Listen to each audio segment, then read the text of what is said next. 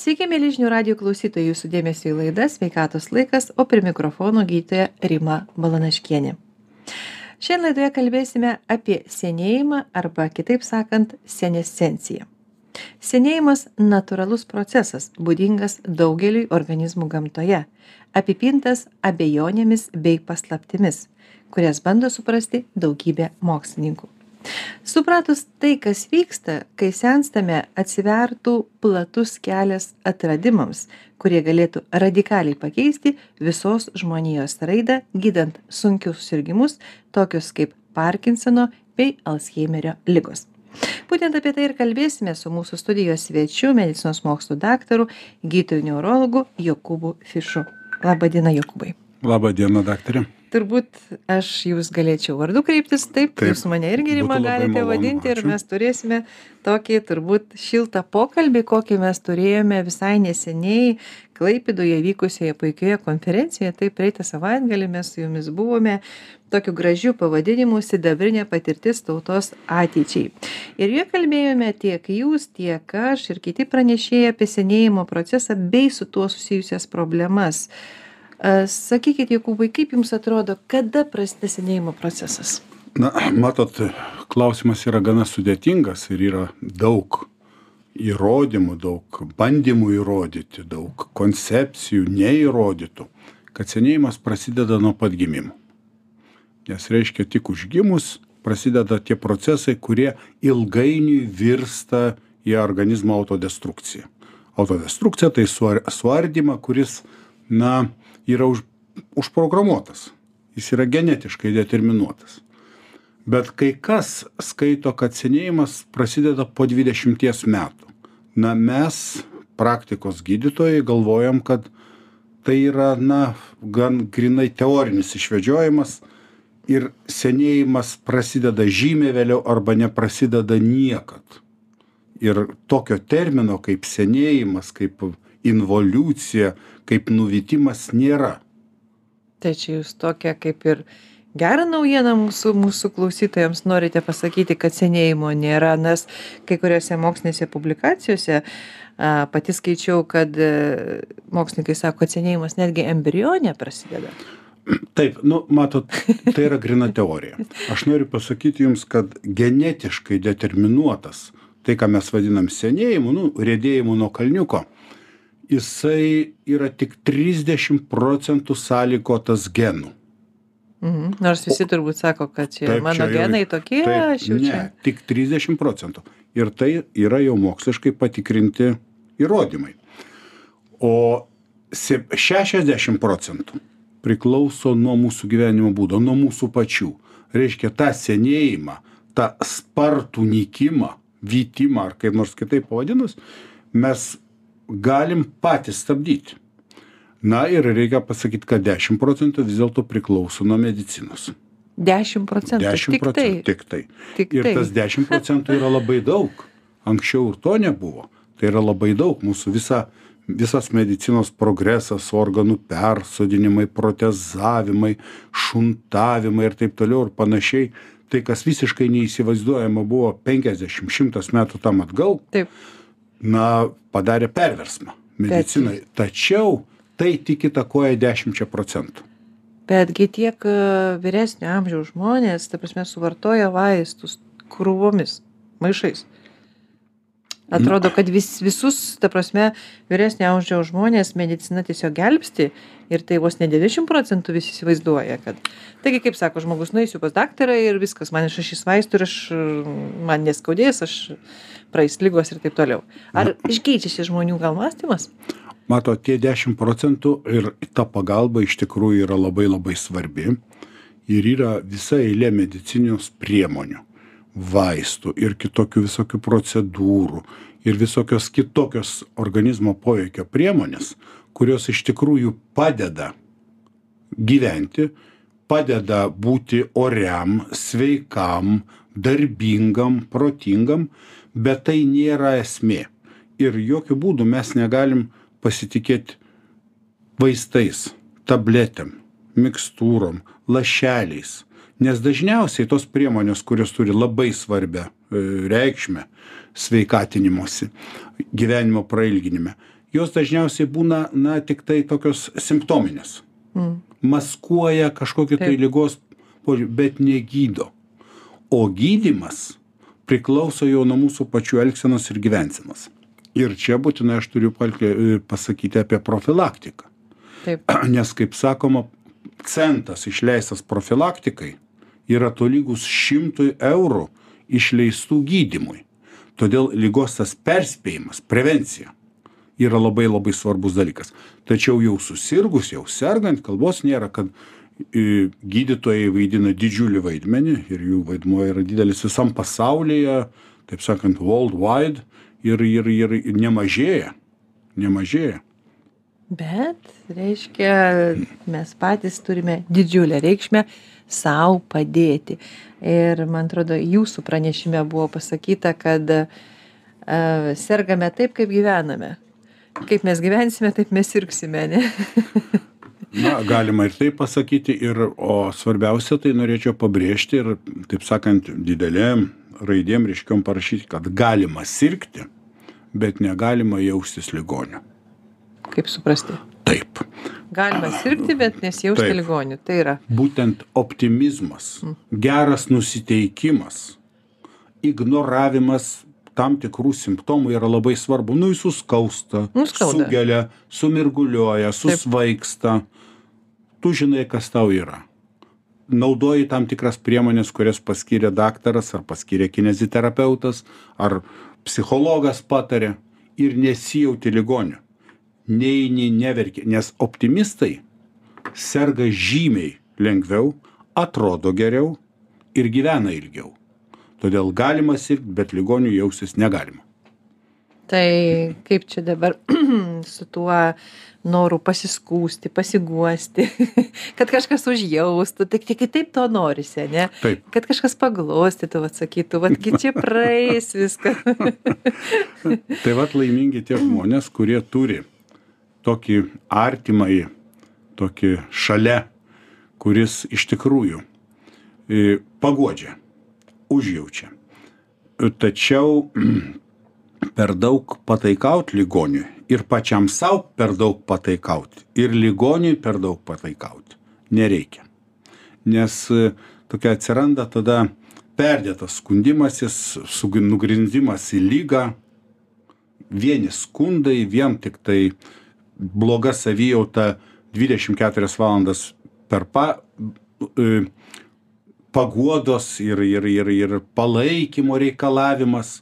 Žodžiu atsiranda tokie ligonio kaprizai. Mes su tuo susiduriam gydytojai labai dažnai. Tai paguost reikia ir laimingi tie kurie turi tokią paguodą bet tas paguodėjas turi būt tvirtas. Suprast jis turi padėti žmogui. Ta paguoda turi būti na kaip čia pasakius ramstis. Taip.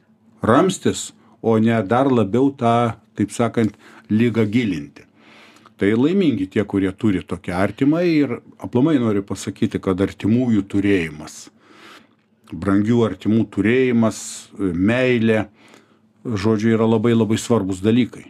Mes labai dažnai tą kažkaip ignoruojam ir atrodo kad oi kaip gerai čia vienas ar viena aš čia lais laisvė man nu gerai laisvė kalbos nėra laisvės reikia visiems bet tokia gryna vienatvė jin yra dažnai pražūtinga. Ir vieniši žmonės, ypač vyrai, gyvena žymiai trumpiau. Bet yra e, du skirtingi žodžiai ir savokos skirtingos vien, - vienatvė ir vienišumas. Jie gilai, Jokūbai, yra skirtingi dalykai, ne? Na, čia priklauso nuo nervų sistemos sanklodos. Mhm. Vienam žmogui, tokiam intravertui, kalbos nėra, kad jam žymiai yra maloniau būti, nu, kalbu dabar apie sveiką visiškai žmogų. Taip, taip. taip. Kalbėjom apie ligonį. Mhm jam yra žymiai smagiau būti vienam. Jisai daugiau mato pasaulio, jisai gyvena savo mintim, pasi kūrybiškos mintis ir taip toliau ir panašiai. Jis neišsibarsto bendravime. Taip. Bet dauguma žmonių vis dėlto tai yra socialinis. Socialinis, na, nesakau padaras, socialinė būtybė.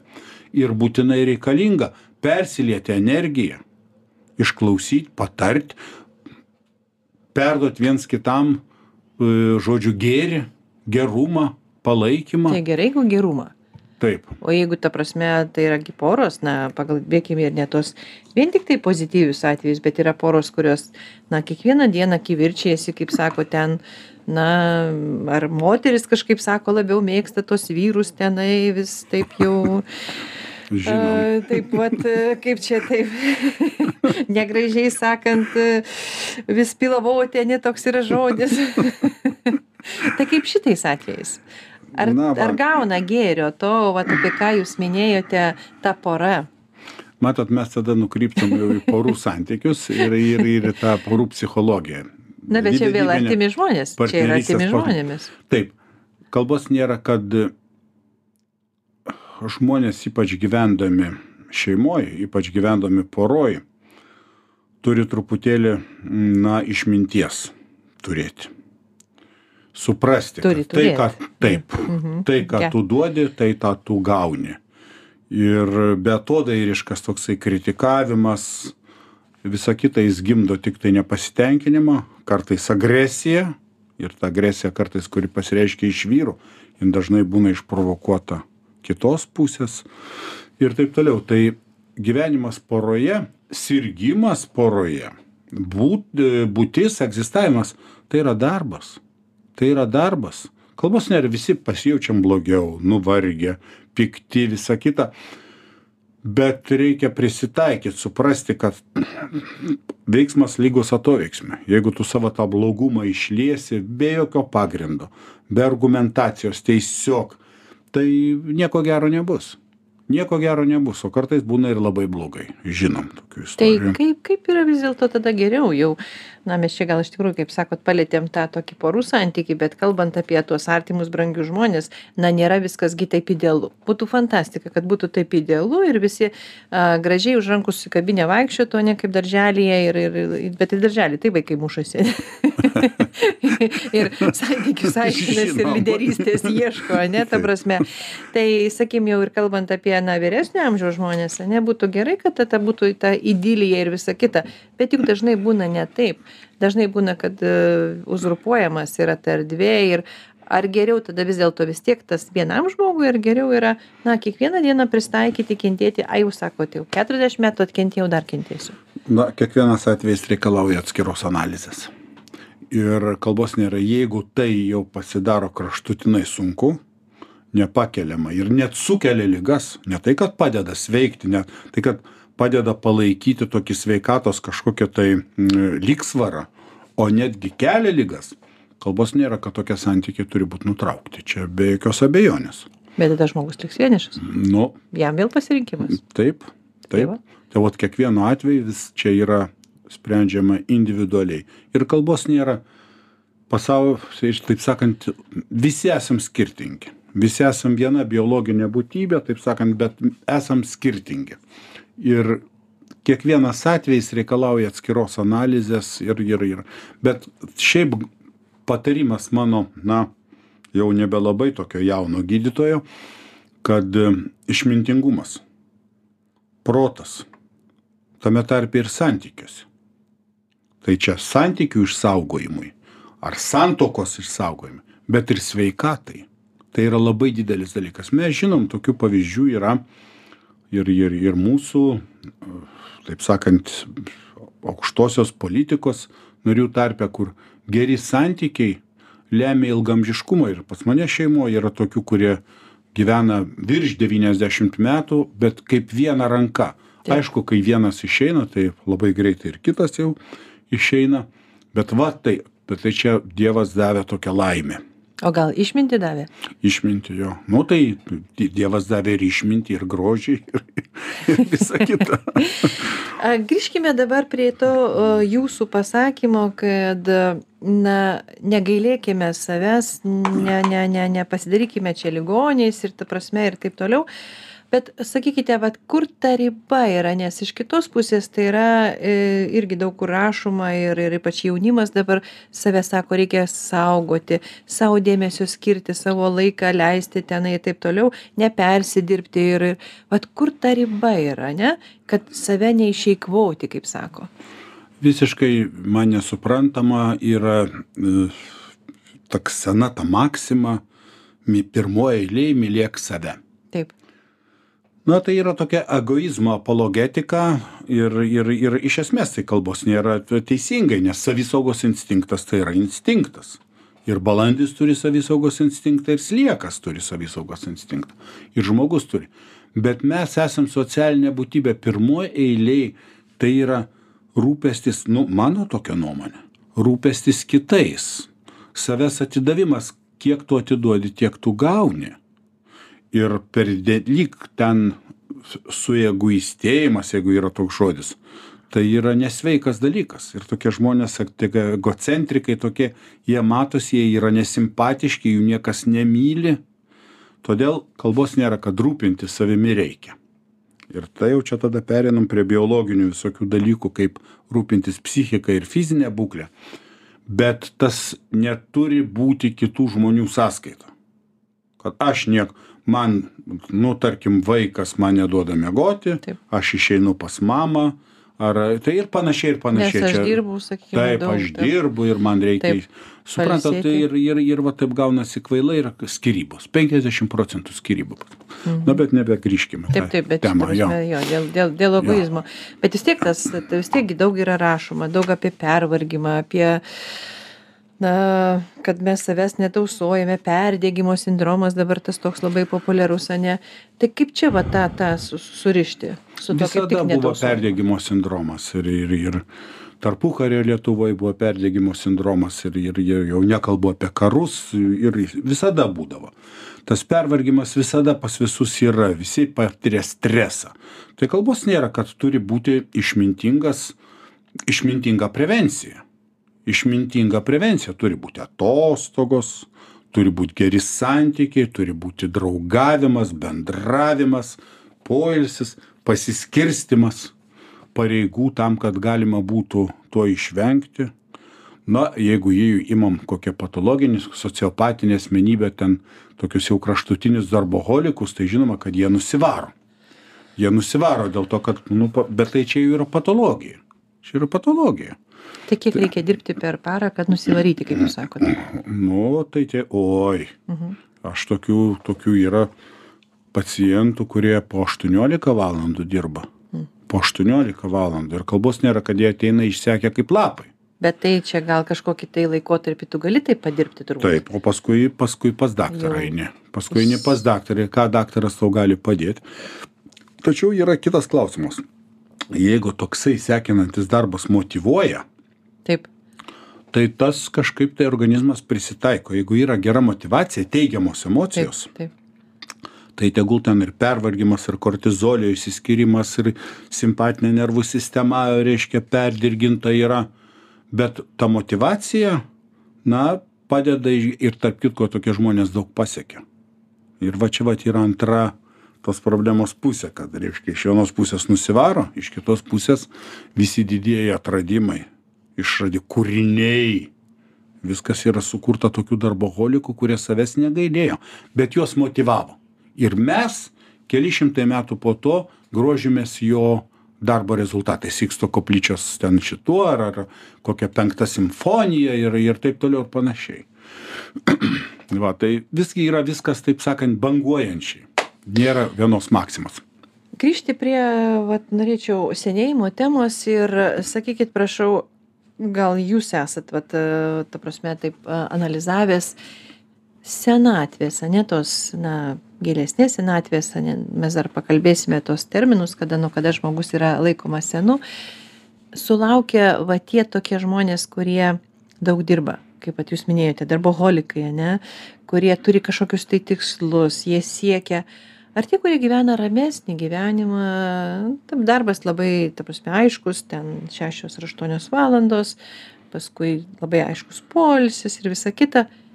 Tai kaip šitoj vietoj? Ta ramybė tokia gyvenimo, ar tas vis dėlto va, tas veržlumas? nu aš tai skaitau kad aišku ir tokie ir tokie reikalingi ir vienam žmogui tai yra sveika o kitam žmogui tai yra sveika bet ir tasai toksai ramus kantrus nuoseklus darbas poilsis ir tokios izolinijos palaikymas tai reikalingas visuomenei tam tikra klasė kuri visuomenei yra labai naudinga ne visi gali būti vermeeriais. Suprantat, ne visi gali būti ten gilelsų. Yra pavieniai. Tai ir tokie reikalingi, ir tokie. Ir tarp kitko, jokios nėra statistikos, kuri parodytų, kad tie, kurie fanatiškai daug dirbo ir, ir, ir gyveno trumpiau. Jie labai dažnai perdega iš tikrųjų ir, ir visa kita, bet atvirkščiai, kai kurie iš jų taip siaubingai save atiduodami, dirbo žymiai ilgiau už tos vidutinius Na, ramiau gyvenančius, pavadinkime. Ramiau gyvenančius, sveikai gyvenančius, besimaitinančius sveikai, besirūpinančius savai, vat, kaip jūs sakote, reiškia savim rūpintis. Taip, taip. Jie, jie nieko panašaus.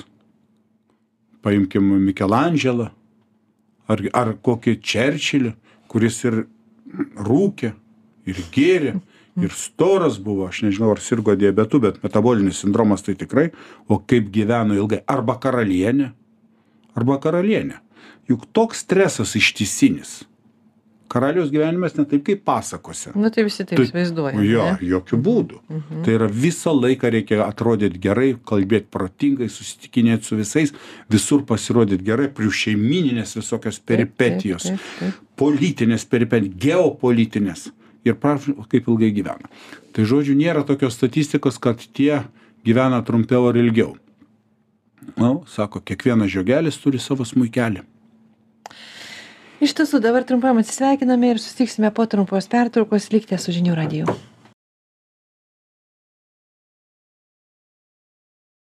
Grįžtame į studiją, tęsime laidą ir šiandien diskutuojame apie neurologiją ir senėjimo procesą. Primenu, kad mūsų studijoje svečiuojasi medicinos mokslų daktaras, gydytojas neurologas Jokūbas Fišas jokūbai pratęskime mūsų diskusiją dabar jau pakalbėkime apie neurologiją ir senus žmones bet prieš tai galbūt trumpai papasakokit savo kelią. Kodėl jūs neurologas? Kodėl pasirinkote šią specializaciją? Kas gi čia nukreipė į šitą pusę? Kodėl neurologija? Taip. Nu visų pirma kodėl medicina? Taip. Tai medicina kažkaip traukė ir patiko tie daktarai kurie buvo kai aš buvau vaikas mokinys Tai jūsų Grinai. šeimoje, giminėje. Ne, ne, ne, mano šeimoje. Dabar taip. Dabar duktė yra. Jūs pradėjote tą kelią, jo. ne? Aha. O šiaip šeimoje nebuvo, ne. O tai kodėl sakot, mokykloje gydytojai patiko, tai yra mokyklos gydytojai? Ne, į polikliniką įdavau, Aha. patikdavo. Daktarai nežinau, ar jiems galbūt jau nėra gyvų, patiko tie daktarai man. Kažkaip sukėlė man tokį tai pagarbą. Jūs, tai jūs dažnai sirgdavot vaikystėje, kad eidavot? Ne, nelabai. Ne. Ne? Ne, negaliu taip pasakyti. Bet eidavau ten profilaktiniai patikrinimai, visa kita ir, ir buvo tų daktarų. Tai va tada pasirinkau mediciną. Nuo vaikystės žinojote, kad bus Ne, ne, ne, nuo kokios gal, nežinau, aštuntos klasės, septintos. Tai. Ir pas mus klasėje labai daug kas stojo, bet mes tik du baigiam. Tik du baigiam mediciną. O kiti kur? Nu, neįstojo. Neįstojo. Jo, jo, buvo didžiuliai konkursai, jo, jo ir viena baigė farmaciją Kaune. Mes dviese baigėm Vilnius universitetą. Na, o paskui, jau kada pradėjau mokytis, tai neurologija tai buvo sunkiausia disciplina. Tikrai. Taip, jo. atsimenu. Taip, taip. Ir profesorius, mano profesorius Visotsko ir mano mokslinio darbo vadovo. Ir dirbau katedroj pas jį. Jo pavyzdys įkvėpė. Jisai toks buvo gana ekscentriškas, toks labai labai savotiškas ir mes jo mirtinai bijojom. tai jis buvo piktas? Toksai kandus, nu toksai jau, jau, jo, nepajaukausi. Tai jo tas pavyzdys kažkaip tai patraukė prie neurologijos. Plus ta disciplina tokia sudėtinga labai ir nepaprasta. Tai aš jau žinojau, kai tik tai prasidėjo nervų lygų kursas, jau žinojau, kad į neurologus eisiu.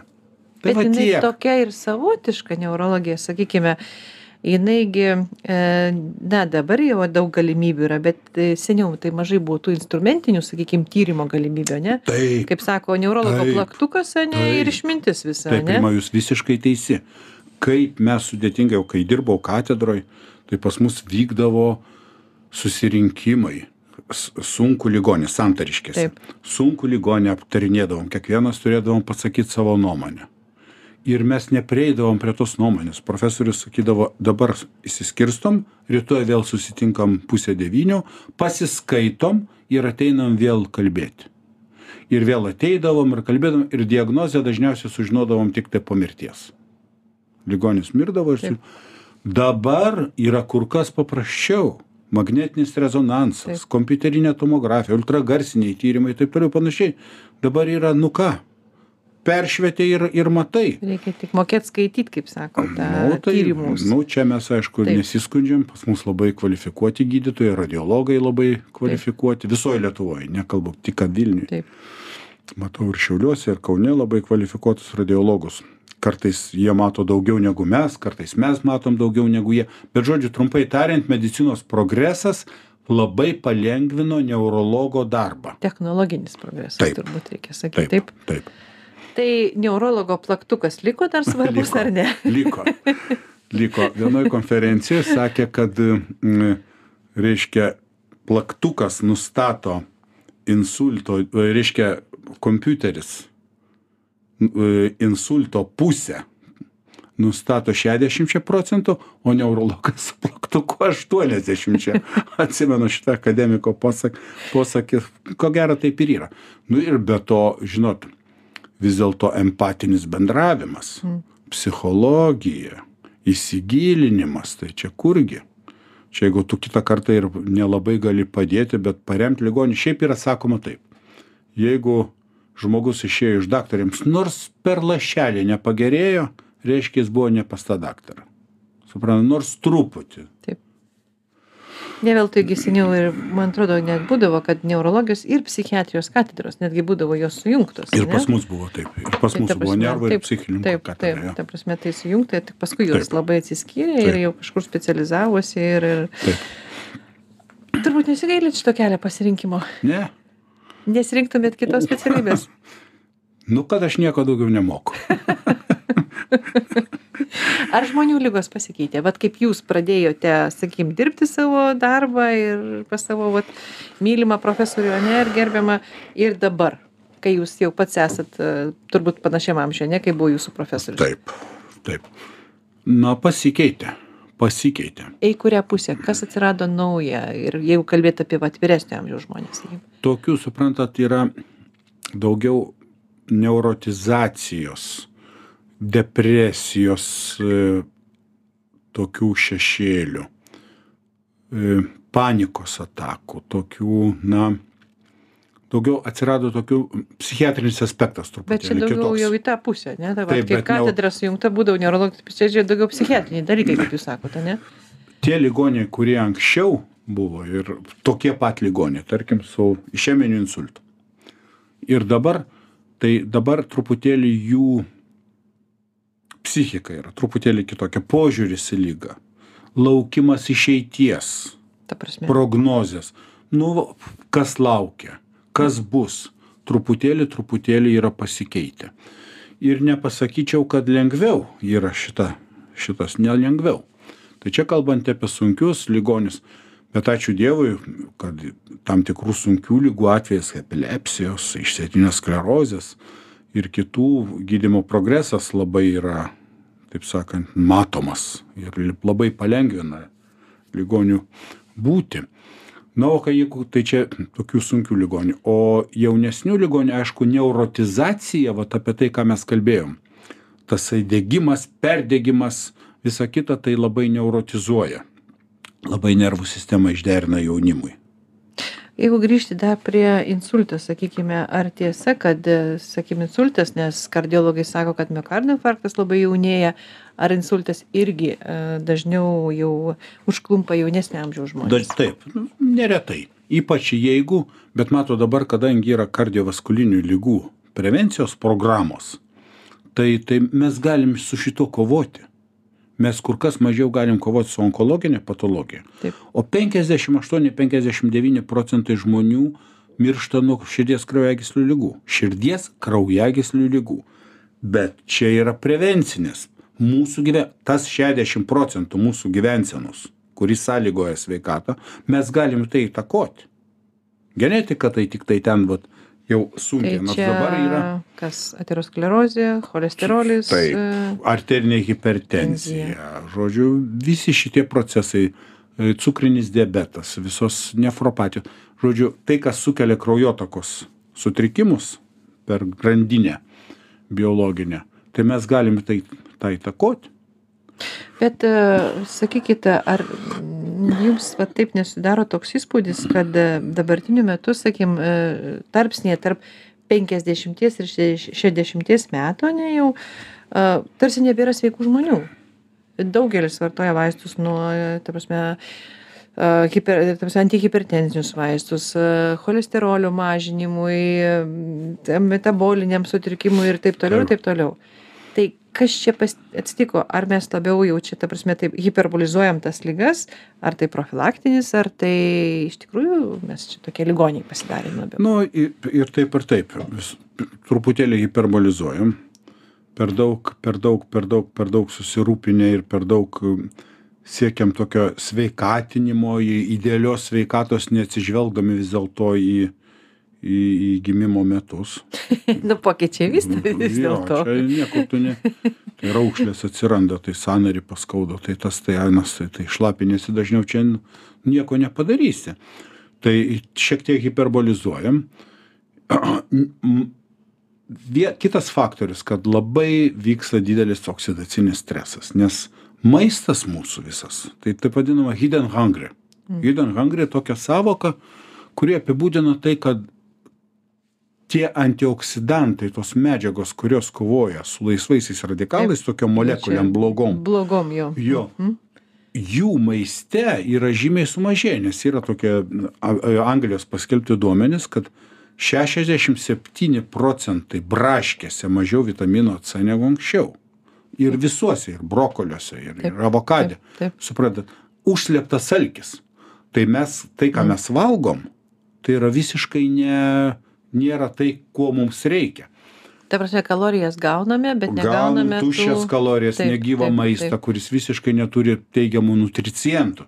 Tai yra Ir- ta tiesa, kai sako žmonės, sako, nu atrodo, nieko nevalgau, storėjo, ne? nu, čia kitas dalykas, jo, čia reikia dar pažiūrėti, kaip jis nieko nevalgo. Bet ta prasme, tai gali Valgė būti aštuonis tiesa. cepelinus, dabar du ir nieko nevalgo. Bet gali būti tiesa dėl tų Gali būt, ko- gali. kalorijų tuščių, kaip jūs sakote, ne? taip, taip. Mhm. Tai reiškia, mes galime kaip ir kiekį tą patį suvalgyti, ne galbūt kaip ir žmonės prieš 50 metų valgė, bet nuo to kiekio mes kalorijų gaunam žymiai daugiau, turbūt taip. Nu, vienas dalykas yra, matot, kalorijos, o kitas dalykas tai yra ta sveiki nutricientai. Mm. O tie patys antioksidantai. Tie prieš tą slaptą uždegimą, tą lėtinį, low grade inflammation. Tos medžiagos, kurios padeda kovoti. Tai žodžiu, mes liktai valgom, oi, vaisiais, daržoviais Taip, ma- ma- maitinuosi ir maitinkimės, visą ekologiškai parduotuvę, iš tikrųjų nieko. Ten yra nevertinga. Ir už tai mytybos ir kiti faktoriai, bet čia dabar, jeigu kalbėti apie mytybą, tai, Tai yra labai svarbu. Ką daryti, ką valgyti, jeigu net ekologiškas maistas, kurį Nu, reikia labai jis rūpintis. N kartų brangesnis yra ir žmonės galvoja, kad tikrai aš jau čia gerai valgau, ne? Pasirodo, tai irgi gali būti mitas, ar ne? Nu, gali būti mitas, bet vis vien geriau negu tas, kas yra e, paprastoje parduotuvėje ant lentynų ir, ir tonos negendančių produktų, kurie su milžinišku galiojimo terminu, tai kas ten fitoncidai, insekticidai, fungicidai ir, ir, ir grini nuodai. Bet nėra tai baisu, nėra tai baisu, bet jeigu jūs kalbate apie tai, kad vat, labai daug tų tokių vidutinio amžiaus žmonių Taip, taip, dabar taip. labai labai serga, Taip. tai vis dėlto čia yra dėl to, kad na, yra neprisižiūrėjimas. Tame tarpe ir mytybos prasme. Nors apie tai atrodo, kad jau taip dabar jau prisižiūrim, visi tik apie tai kalbama, ne? Kaip aš čia valgau, kaip aš čia vaikštau, kaip aš judu, kaip aš ne kiek žingsnių skaičiuoju, ta prasme, ne? Nu, mato, čia labai lengva neurotizuotis. Karlas Jungas yra pasakęs, kad per didelį susirūpinimą savo sveikata ir iš, ištisas kalbėjimas apie tai, tai yra psichinio sutrikimo forma. Čia ne mano, čia tų milžino citata ir iš tikrųjų. Suprantat, gyvenimas yra, gyvenimas yra gyvenimas. Ir, ir tie, kurie fanatiškai į tai yra įnikę, jie pas juos yra, nu, grubiai pasakius, pavažiavęs stokas. Bet dėmesys kreiptinas ir nereikia galvot, kad tai čia yra be jokios prieš. Nuo 85 metų iki praeitų 22 metų Lietuvoje gyvenimo trukmė pailgėjo penkiais metais. Ir vyrų, ir moterų. Tai yra daug. Tai yra. Penkiais metais. Penkiais metais. O kokybė?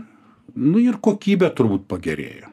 Pažiūrėkit, pilni klubai, į pajūrio kurortai, lėktuvai skrendantis į užsienius. Aš manau, kad pagerėjo ir kokybė. Pagerėjo ir kokybė.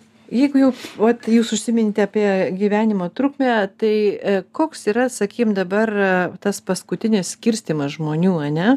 Nuo kokio amžiaus yra skaitoma jau ten būdavo jauni, vidutinio amžiaus, senyvi pagyvenę, kaip dabar ta klasifikacija? Kokia? O jin labai keičiasi. Taip, tai va. Visą laiką keičiasi. Ir stumėsi, man atrodo, ten tas stumiasi. lai- Dabar metai. senas yra nuo 80.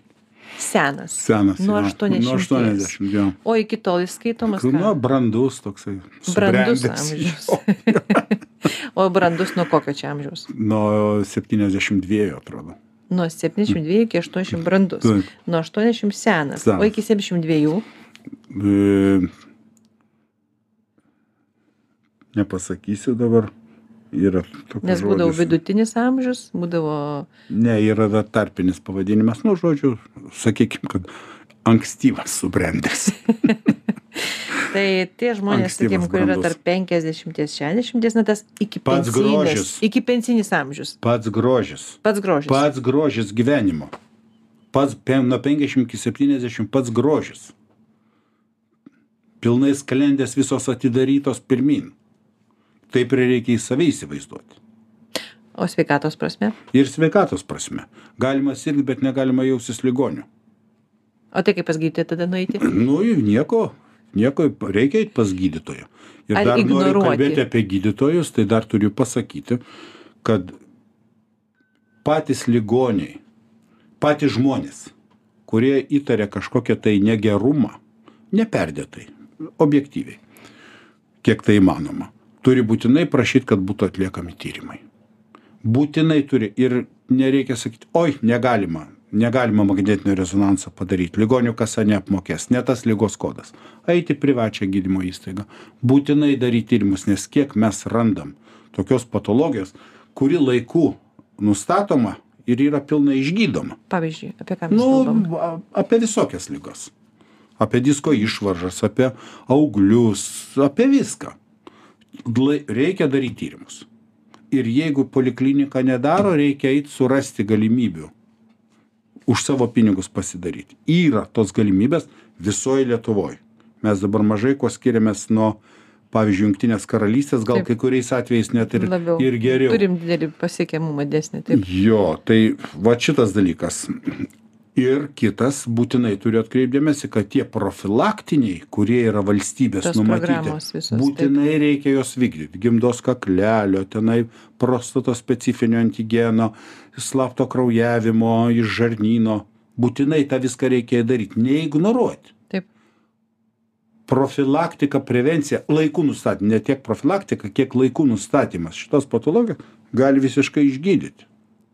O užleista tai jau Mes šiek tiek užsiminėm apie insultą, nes infarktas, insultas turbūt visada yra tos tokios, na, e, lygos, kurios e, išeitis e, nelabai turbūt yra geros, gali būti ne visai geros. Tai e, dar pabaigoje mūsų pokalbio e, paminėkite galbūt tos, na, požymius ar negerumus, kaip jūs sakėte, kurie gali e, vesti į insultą, ane? Ar kažkokie tai simptomai pirmieji, ar požymiai, į ką žmogus turėtų atkreipti dėmesį? Nu, kas galėtų vesti? Vesti tai, žinot, e, vesti insultą. Ar tai požymiai, ar kas galėtų vesti? Čia didelis skirtumas. Vesti tai galėtų, aišku, širdies kraujagyslių lygų, nesirūpinimas širdies kraujagyslių lygom. Ji- Ši arterinė hipertenzija, širdies ritmo sutrikimais, e, lipidų santykių e, iškrypimas, cukraus, e, angliavandenių pakitimai. Tai va tie veda hipodinamiją, prasta dieta, nu aišku ir blogas paveldimumas. Tai va tie veda prie širdies kraujagyslių lygų. Ir dar kartą noriu pasakyti, kad šitie dalykai yra kompensuojami. Laiku nustačius ir, ir, ir galima užkirsti kelią ir puikiausiai gyventi tai va tam ir tos programos ir savistaba neperdėta. Neperdėta. Tai yra labai labai svarbu.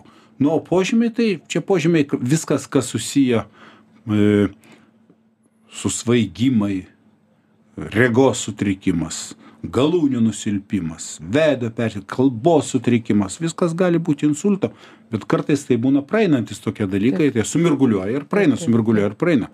Bet jeigu jau sumirguliavo tai eik pas daktarą ir sakyk kad man tai buvo daryk man tyrimus gal man reikia gydymo o gal nereikia gal reikia tiesiog sporto salę arba prie jūros Lab, labai tinkamas laikas. Ir visai, visai pasnis klausimas, vat ant stalo yra jūsų knyga, daktarė. Kodėl jūs ją parašėt ir kam neskirta? nu, klausimas. Aš ją parašiau todėl, kad leidykla liepė. O. Jo, aš visiškai negalvojau rašyti knygos, bet e, Almos Literos vyra redaktorė ugnė paskambina pasakė daktare jūs dar neparašėt knygos reikia parašyt jūs vat kalbat kalbat visur išstojat skaitot o knygos neparašėt tai sakau kodėl aš turiu parašyt nu visi gi parašė o jūs neparašėt tai aš tada pagalvojau gerai pradėsiu rašyt ir rašiau Ir kurie čia metai yra? Praeiti metai. Praeiti metai, tai ne visiškai yra šviežia. Ir... O jinai ilgą laiką buvo pirmoji negrožinių topė, net Zelenski buvo nurungusi ir, ir buvo liktai perspausdinimai jos papildomi tiražai nežinau bet vat žodžiu tokia išėjo knyga ją gyrė va dabar čia einat kudirkos aikštėj prie manęs priėjo moteris ir sakė ačiū labai pažino ačiū ko labai gera knyga tai man labai malonu buvo Fantastiška. Tai neskirta visuomeniai ar specialistams? Taip, ne, ne, čia yra grinai populiarus leidinys. Žmonėm. Tai yra jūsų sudėta patirtis? Jo. Gydytojo patirtis? Jo. Aš 28 metus buvau neurologinių skyriaus vedėjų. Taip. Įvairiuose ligoninėse. Taip, taip. Ir labai daug mačiau labai daug mačiau tai kai kas kas tinka spaudai ir ką ką aš gerai prisimenu tai tas istorijas įdėjau ir knygą tai čia yra tokia ir pedagoginė didaktinė šiek tiek. Ar sulauksime tęsinio knygos? Nu prašo jie rašyti tiktai kad ne, nežinau nelabai turiu ką apie, apie ką rašyti. Ar jau viską sudėjote čia? Nu gal nežinau nežinau. Nežinau iš tikrųjų gyvybingumas ne visada susijęs su amžiumi apie tai primena atėnų tragikas sofoklis sulaukęs devyniasdešimties. Sofistas girgijus miręs būdamas šimto metų amžiaus stoikas epiktetas aštuoniasdešim aštuonerių platonas aštuoniasdešimties. Šie ir kiti o jų ne tiek ir mažai antikos mąstytojų sulaukė įstabiai garbaus amžiaus daugybę šimtmečių iki šiuolaikinės medicinos atsiradimo primenu kad mūsų studijoje svečiavosi medicinos mokslų daktaras gydytojas neurologas jokūbas fišas. Ačiū kad atvykote į studiją. Ačiū kad skyrėte savo tikrai labai brangų laiką mums mūsų radijo klausytojams. Ir primenu kad visų laidų garso ir vaizdo įrašus galima rasti žinių radijo interneto svetainėje zinių radijas taškas lt.